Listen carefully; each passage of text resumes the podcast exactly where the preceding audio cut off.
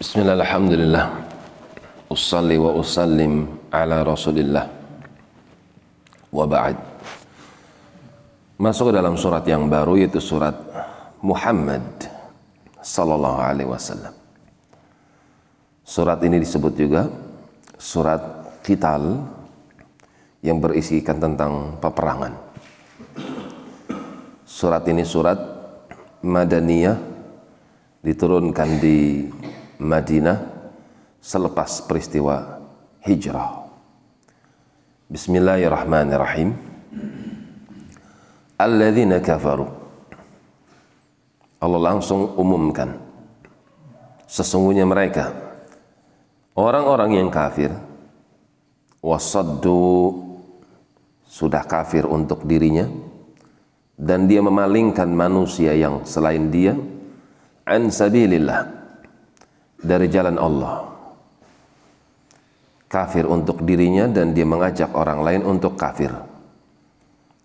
Dia tidak beriman dan menghasung manusia untuk tidak beriman kepada Allah dan Rasulnya. Maka kebaikan apa pun yang pernah dia kerjakan, kebaikan apa pun yang pernah mereka amalkan, a'malahum maka pasti Allah akan gugurkan amalan-amalan yang pernah mereka kerjakan. Tidak ada istilah hisab bagi mereka orang-orang yang kafir.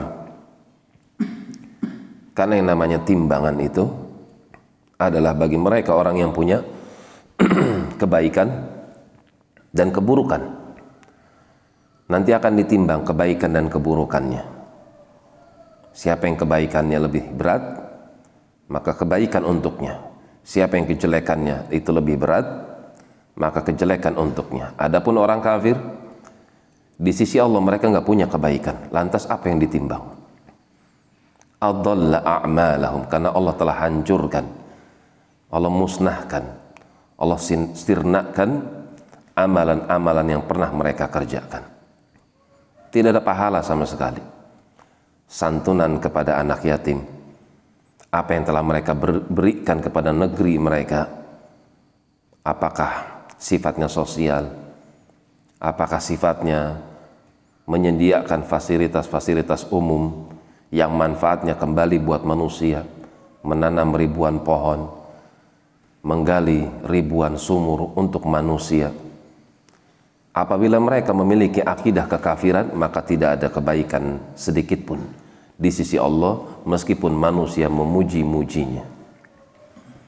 Alladzina kafar wa saddu an sabilillah disebabkan karena dia kafir, disebabkan karena dia tidak beriman kepada Allah dan Rasulnya dan bahkan dia mengajak manusia untuk kufur kepada Allah dan Rasulnya. Hukuman bagi mereka adalah adzalla a'malahum sebaik apa pun sebanyak apa pun kebaikan yang mereka berikan kepada manusia tetap tidak ada nilainya di sisi Allah. Walladzina amanu adapun sebaliknya bagi mereka orang-orang yang beriman dan mereka wa amilus salihat beramal dengan amalan yang salih wa amanu bima nuzzila ala Muhammadin dan mereka beriman dengan apa yang diturunkan kepada Muhammad sallallahu alaihi wasallam wa huwal haqqu min rabbihim. Bahwasanya Al-Qur'an adalah al-haq yang datang daripada Tuhannya. Kaffara anhum sayiatihim. Maka Allah akan gugurkan kejelekan-kejelekan yang pernah mereka kerjakan. Kekurangan-kekurangan yang pernah mereka amalkan segala macam bentuk suatu hal yang negatif yang mungkin pernah mereka kerjakan. Kalau mereka beriman, mereka buahkan keimanan tersebut dengan amalan yang saleh, mengimani Al-Quran dan coba menjalankannya, maka amalan-amalan yang jelek akan digugurkan oleh Allah wa aslaha balahum dan Allah akan memperbaiki keadaan mereka. Apabila seorang jujur kepada Allah, dengan keimanannya dan dia ber, mencoba untuk mengikhlaskan seluruh amalannya dan dia berupaya untuk mengamalkan isi kandungan daripada kitabnya, maka Allah akan memperbaiki jiwa tersebut. Maka siapa yang jujur kepada Allah, maka dia akan mendapatkan kebaikan.